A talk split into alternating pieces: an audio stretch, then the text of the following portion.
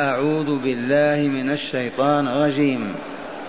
كل الطعام كان حلا لبني إسرائيل إلا ما حرم إسرائيل. إلا ما حرم إسرائيل على نفسه من قبل أن تنزل التوراة. قل فاتوا بالتوراة فاتلوها إن كنتم صادقين. فمن افترى على الله الكذب من بعد ذلك فأولئك هم الظالمون. قل صدق الله صدق الله فاتبعوا ملة إبراهيم حنيفا وما كان من المشركين. إن أول بيت وضع للناس للذي ببكة مباركا وهدى للعالمين فيه آيات بينات مقام إبراهيم. ومن دخله كان آمنا. ولله على الناس حج البيت من استطاع إليه سبيلا. ومن كفر فإن الله غني عن العالمين. معاشر المستمعين والمستمعات قول ربنا جل ذكره كل الطعام كان حلا لبني إسرائيل إلا ما حرم إسرائيل على نفسه الآية. ما سبب نزولها؟ اذكروا أن السياق ما زال مع أهل الكتاب. كذا؟ وها هم اليهود يقولون للرسول صلى الله عليه وسلم أنت تدعي أنك على ملة إبراهيم. وها أنت تبيح ما حرم الله على إبراهيم وبني إسرائيل. فتاكل لحوم الإبل, الإبل وتشرب البانة أين تقيدك بملة إبراهيم؟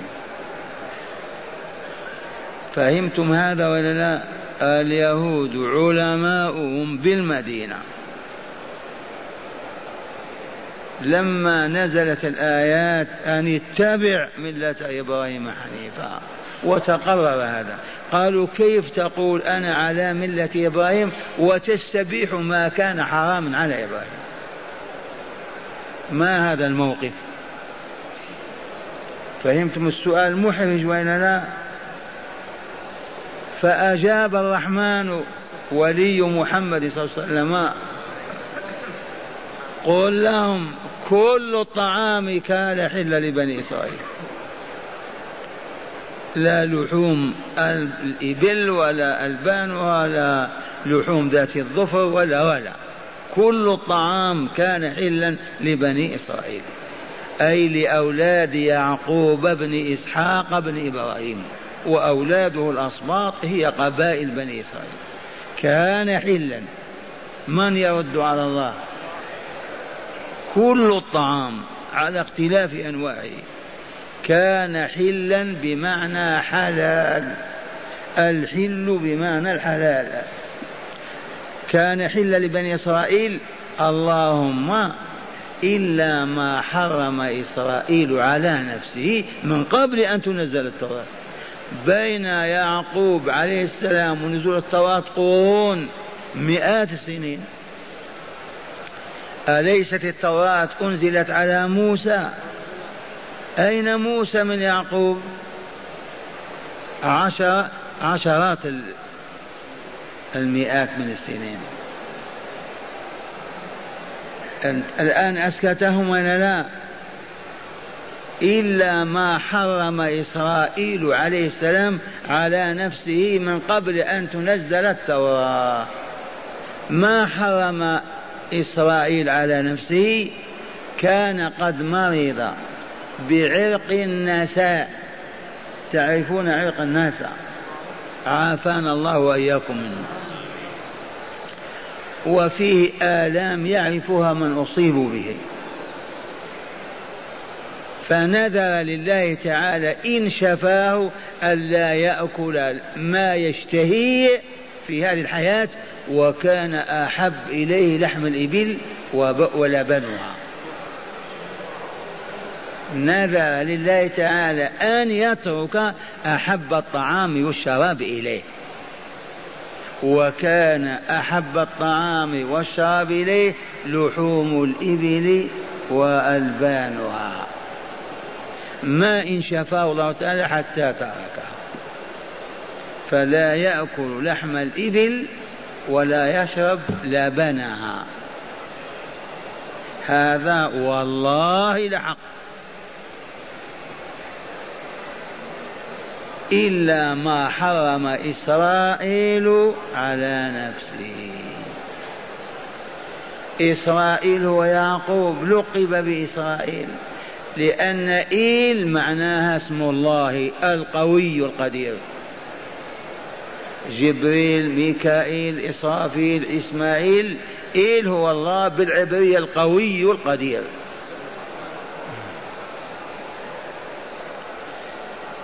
إذا وهنا علاج لمرض النساء مذكور في هامش الكتاب. روى ابن ماجه في سننه وهو من أصحاب السنن وسننه مقبولة إلا ما ضعفه أهل الحديث. ماذا روى عن أنس بن مالك خادم رسول الله صلى الله عليه وسلم؟ تعرفون من أنس بن مالك؟ خادم نبينا صلى الله عليه وسلم. كيف خدمه؟ اشتراه يعني؟ تبرعت به أمه وأبوه. لما نزل الرسول بالمدينة وما عنده أولاد. أو عنده أولاد؟ ما فجاءت بأمه قالت هذا يخدمك يا رسول الله. تبرعت بابنها. هل وقع هذا بعد رسول الله صلى الله عليه وسلم بعد أم أنس؟ وقع والله إن رجلا من الصالحين له ولدان وجاءني وقال يا شيخ إن فلان يخدمك وهو طفل صغير بمعنى في البيت يقدم الطعام يشتري كذا. فقلت سبحان الله ما زال الإيمان هكذا؟ وأثنيت عليه ودعوت له بخير. اللهم اجزي خيرا لا إله إلا الله. أنس بن مالك خدم رسول الله صلى الله عليه وسلم عشر سنين. يقول ما قال لي يوما في شيء فعلته ليما ولا في شيء تركته لما تركت هيا نرتقي إلى هذا المستوى.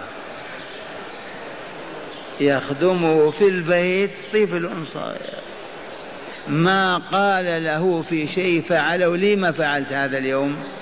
ولا لشيء تركه لما تركت أبدا. هذا مظهر من مظاهر الأخلاق المحمدية. وصدق الله العظيم وإنك لعلى خلق عظيم. افعلوا هذا مع نسائكم فقط. جربوا. ما تستطيعوا امرأتك تسكن إليها وتسكن إليك.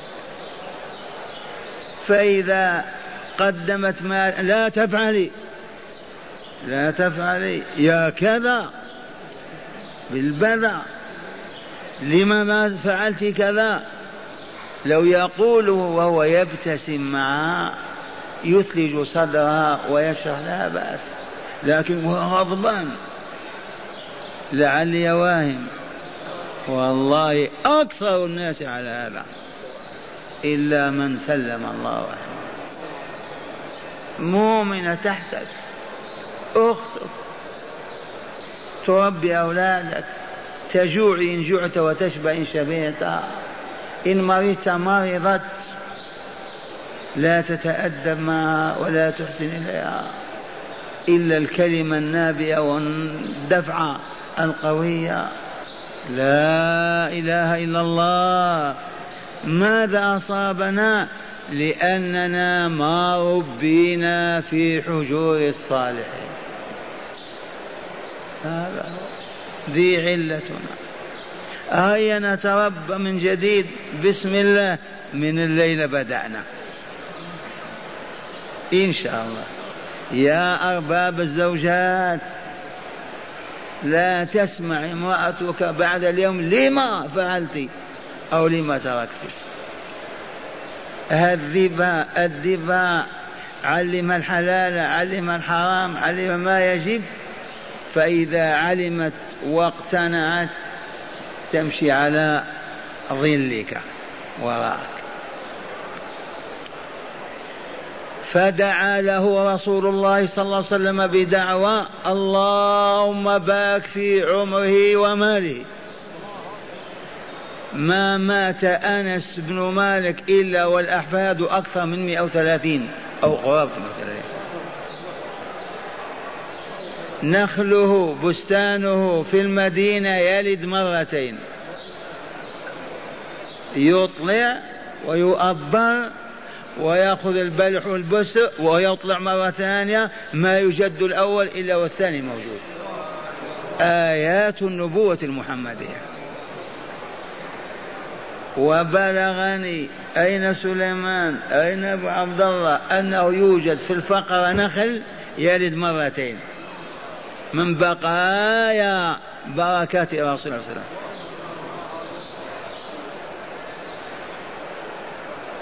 عرفتم من أنس هذا؟ إليكم ما يحدثنا عن رسولنا به. يقول سمعت بأذني سمعت رسول الله صلى الله عليه وسلم يقول شفاء عرق النساء.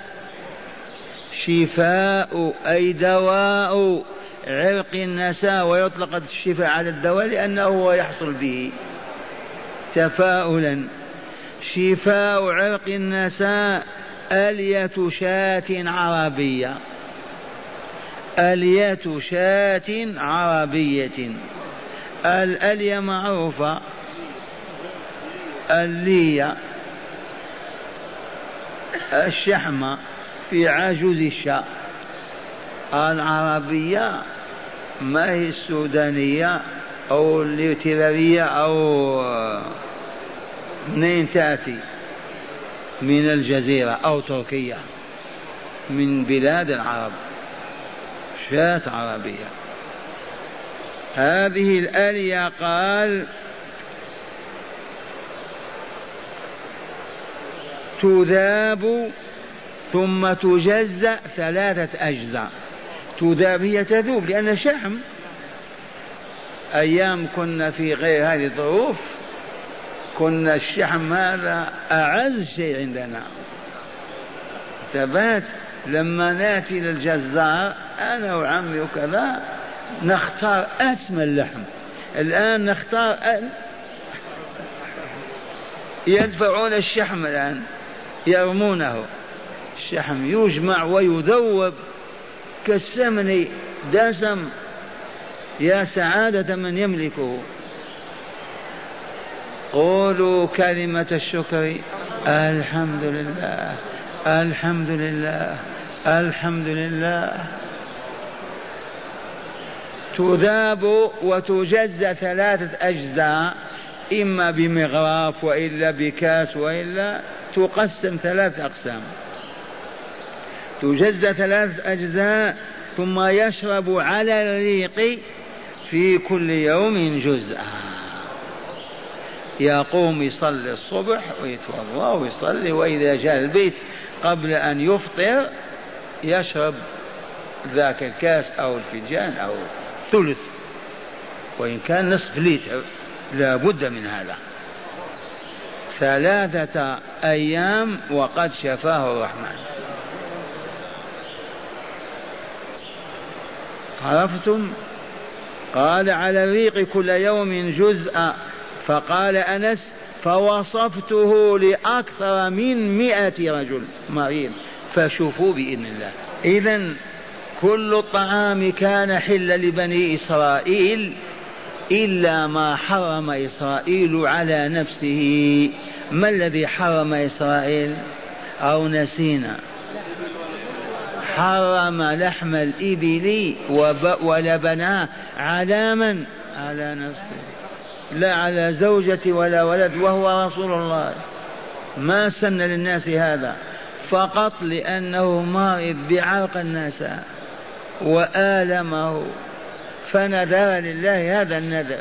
إن شفيتني يا ربي ألا أكل ما أحبه ولا أشربه. وكان أحب الطعام إليه لحوم الإبل. ثباتم ولبنا هذا حق. إذا لما قال اليهود للرسول كيف تدعي أنك على ملة إبراهيم وأنت تأكل لحم الإبل وتشرب لبنها؟ فأبطل الله هذه الدعوة واجتثها من أصولها. قال تعالى اسمعوا كل الطعام من ألفاظ العموم تستغرق كل شيء. كل الطعام كان حلا أي حلالا لبني إسرائيل أولاد يعقوب. إلا ما حرم إسرائيل على نفسه من قبل أن تنزل التوراة. الزمن ما بين موسى وبين يعقوب زمن طويل. موسى تربى في مصر ولا لا؟ كيف وجد؟ لأن لما يوسف عليه السلام تمت أحداث يوسف وملك مصر وعاش بها ومعه إخوانه ومضت أجيال ماتوا ماتوا مات ووجد مجموعة من بني إسرائيل منهم موسى وهارون ونبأ الله موسى وأرسله وأنزل عليه التوراة. فالفرق بعيد الزمان يعني ما يقدر. إذا إلا ما حرم إسرائيل على نفسه من قبل أن تنزل التوراة. قل لهم يا رسولنا فأتوا بالتوراة فاتلوها إن كنتم صادقين. فضلوا. هاتوا التوراة واقرأوا ونحن نسمع هل تجدون فيها أن الله حرم على بني إسرائيل كذا وكذا؟ ما فيها. قل فأتوا بالتوراة فاتلوها إن كنتم صادقين. ما استطاعوا. ما فيها.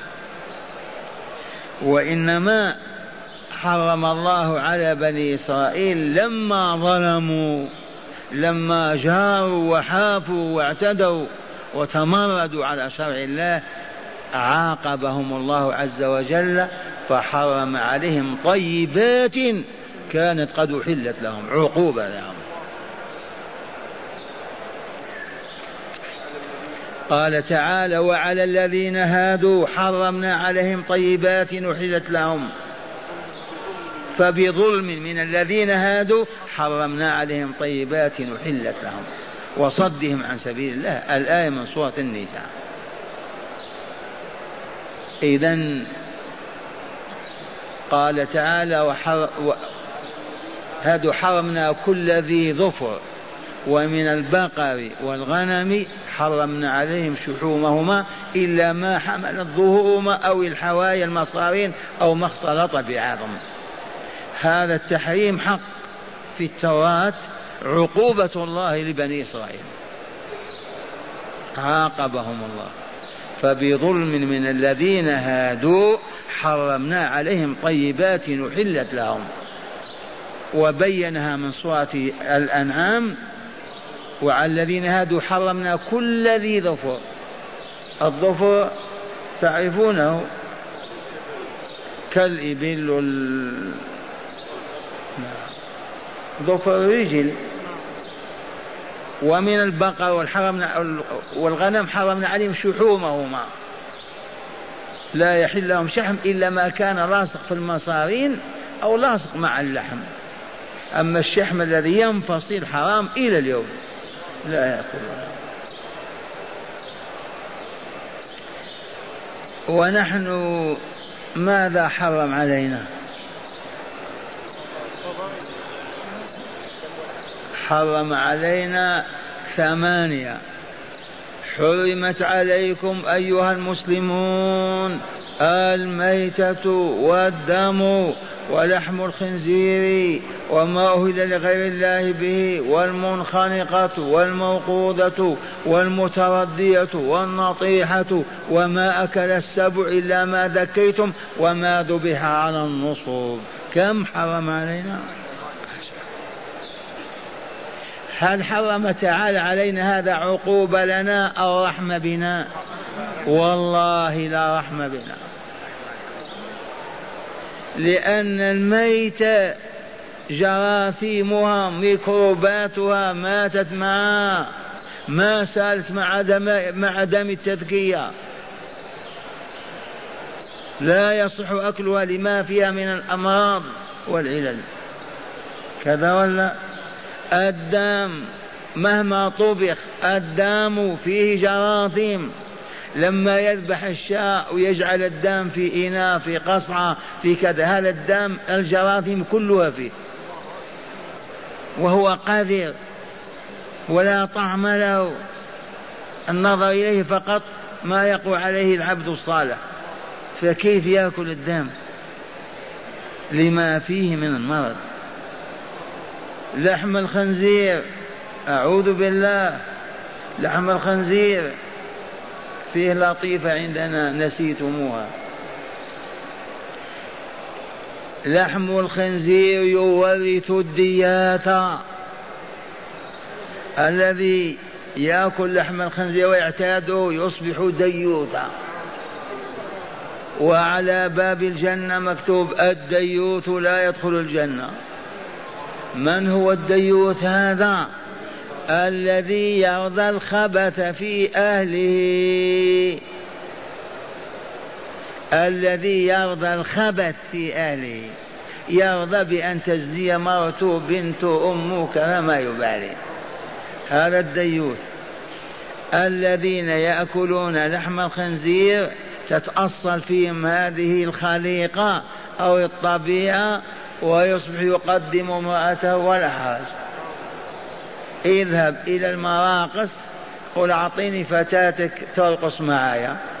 والله العظيم. تفضل مدام أرقصي مع فلان في المرقص. والناس يتفرجون. دياثة هذه ولا لا؟ قالت العلماء لأن الخنزير ديوث ألف مرة. ما يغار على أنثاه أبدا. أما الجمل والله لغيرته عجب. يأكل. كذا. والله حتى الكلاب تغار حتى القطاط. كل الحيوانات تغار على أناثيها إلا هذا العياذ بالله الخنزير. ما يغار أبدا.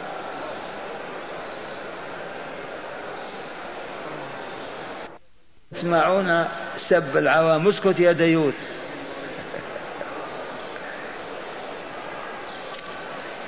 في أيام العنترية لو واحد يقول له يا ديوث يذبحه يقتله. ما يرضى بهذه السبة. إذا حرم الله لحم الخنزير أولا في علل أمراض وثانيا يورث هذا الخلق الهابط. عن خلق الحيوانات.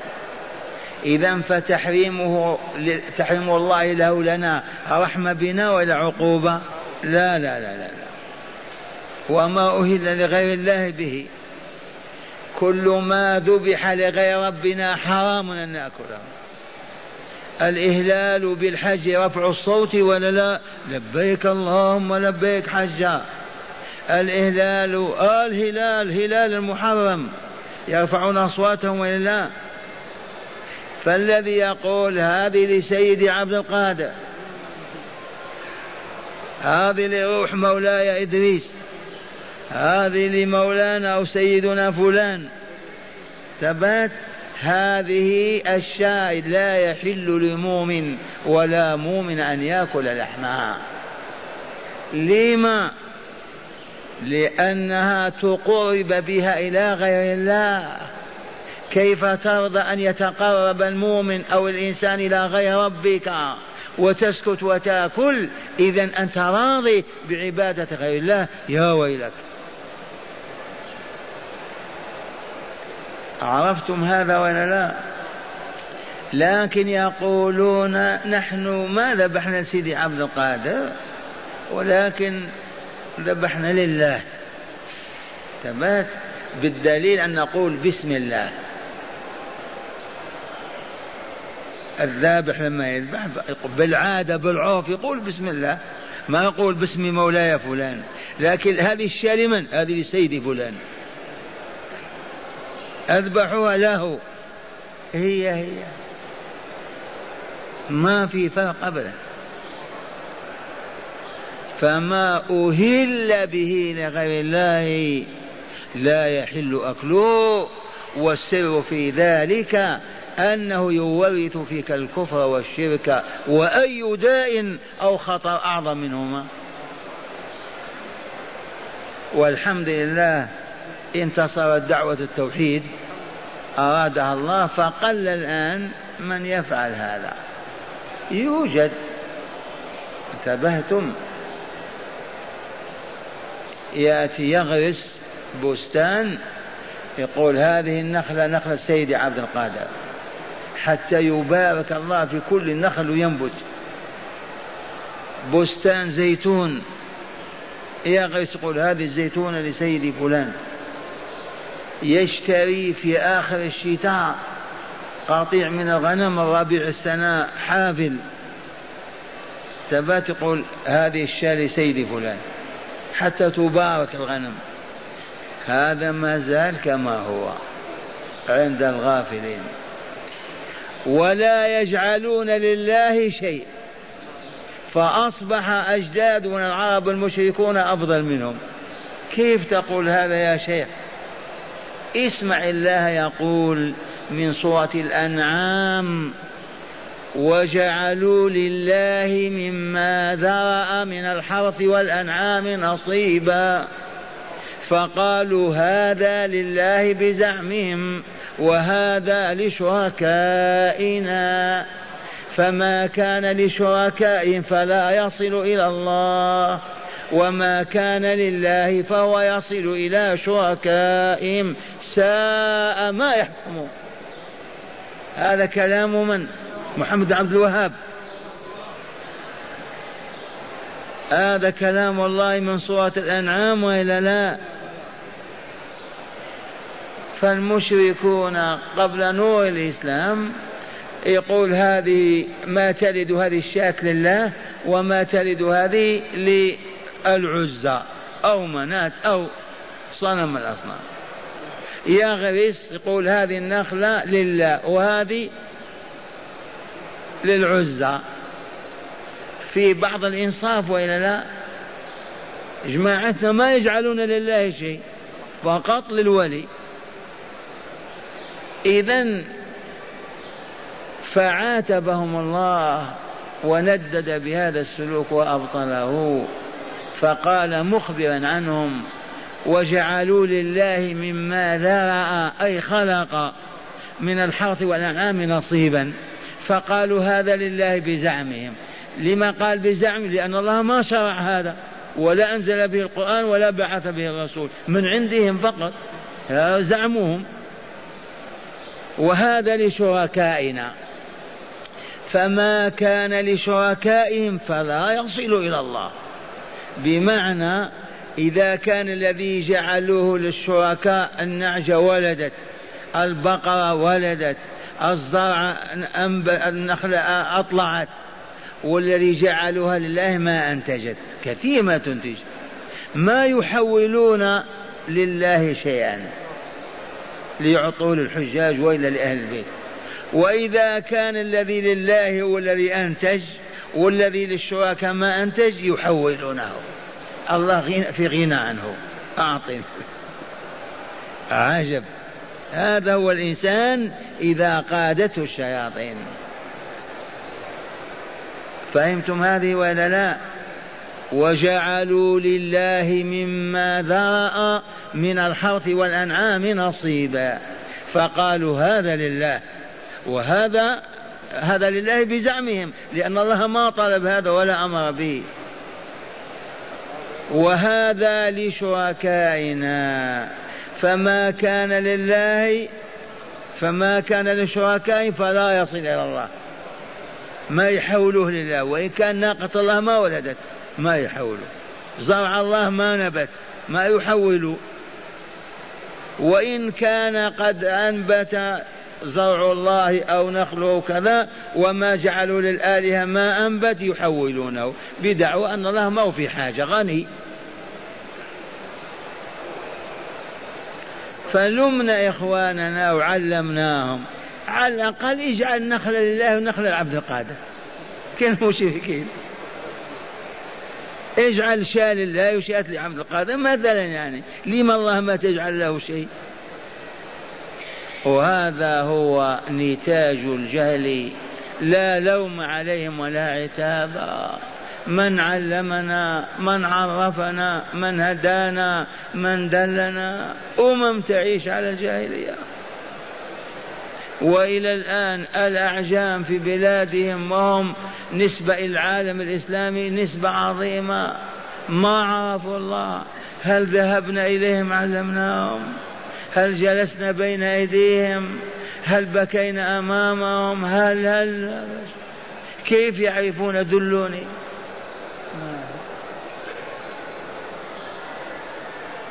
وكيف نعلمهم؟ ونحن أيضا جهلنا وابينا أن نتعلم ورفضنا التعلم واشتغلنا بالباطل واللهو.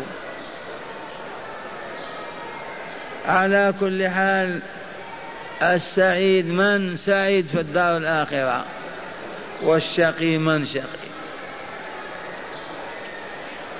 قال تعالى قل لهم يا رسولنا فأتوا بالتوراة فاتلوها اقرأوها إن كنتم صادقين فوقفوا. فقال تعالى فمن افترى على الله الكذب من بعد ذلك وقال ما ليس بحق وادعى دعاوى باطلة فأولئك البعداء هم الظالمون. وانتصر الإسلام وانهزم اليهود. فأولئك هم لا غيرهم الظالمون الذين يضعون الأشياء في غير موضعها. ثم قال تعالى لرسوله ولأمته يعلمنا قل صدق الله قولوا صدق الله ما أكذبهم. وأذهب وبين عوارهم وإلا قل صدق الله فاتبعوا ملة إبراهيم حنيفا. يا معشر أهل الكتاب.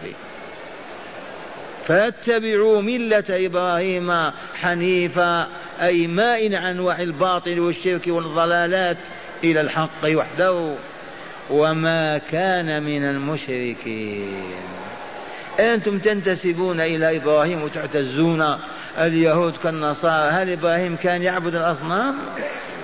حاشا. والله ما كان من المشركين بل كان إمام الموحدين ما هذه النسبة؟ لو تأخذ جهال المسلمين أيضا تقول لهم هل كان محمد صلى الله عليه وسلم يقيم مولد؟ ماذا يقولون؟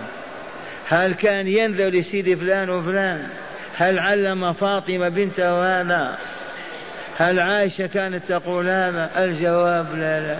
إذا لم تبتدعون وتقولون؟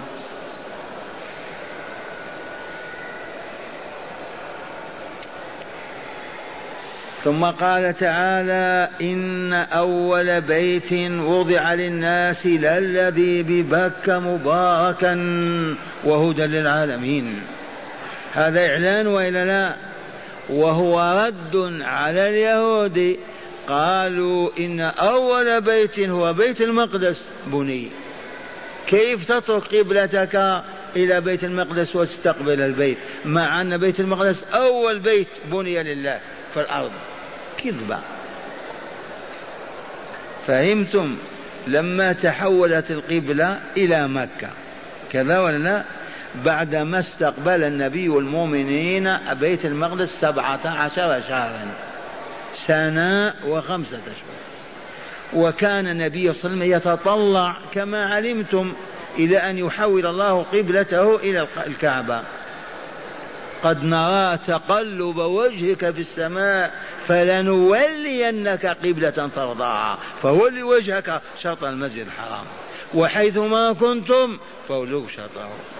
جنت جنون اليهود. كيف هذا؟ قالوا أمس كان بيت المقدس وغدا الكعبة وبعد غد في المشرق. لا يثبت على شيء. تعرفون الإعلام ولا ما هو الإعلام؟ حتى إخواننا يقولون أكثر من هذا. الذين ما عرفوا الطريق إلى الله يقولون هذا الكلام. فيما بيننا المسلمين. إذا قال تعالى اسمعوا إن أول بيت وضع للناس للذي ببكة مباركة. أسكتهم.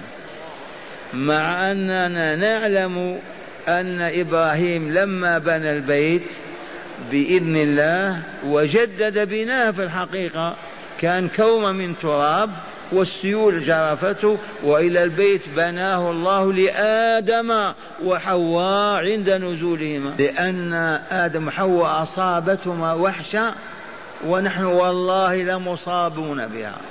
وحشة كبيرة كانوا مع الله. فنزلوا في هذا العالم لا يرون أحدا. كيف؟ فبنى الله لهم هذا البيت. فيأتيانه ويطوفان ويسألان حاجاتهما ويتبركان به تزول تلك الوحشة. وإلى الآن المؤمن الصادق رباني تزول وحشته إذا كان يطوف بالبيت. إذا ولما جدد البناء أمر أن يبني بيت المقدس فبناها بعد الكعبة بأربعين سنة. مضت أربعون عاما ثم أمر أو أوحي إليه أو رأى أن يبني بيت المقدس في فلسطين. فقول الله تعالى إن أول بيت أي لله بني. إن أول بيت وضع للناس. وضع للناس ماذا يفعلون به يزيلون الوحش بيت ربهم يطوفون ويتبركون ويدعون ويحجون ويفدون إليه من الشرق والغرب. بيت ربهم. لتقبل دعواتهم وترفع درجاتهم وتعظم حسناتهم وعظائم الفوائد. وضع للناس إلى الذي ببكة مكة وبكة سواء من البك الذي هو الدفع بكه دفعه ومكه كذلك. تباتم من أراد أن يدخل البيت بالقوة يدفعونه يبكونه ويمكونه. فسميت مكة لأجل هذا وبكة. الذي بمكة مباركا. إيه نعم. البركة لا تفارقه أبدا. والله العظيم. وهدى للعالمين. المشرق كالمغرب الشمال كالجنوب. المؤمنون حتى على عهد نوح على عهد هود على عهد صالح كانوا يحجون. الرسول كأني بصالح هكذا على ناقة كذا يلبي في فجاج مكة. إذا هدى للعالمين.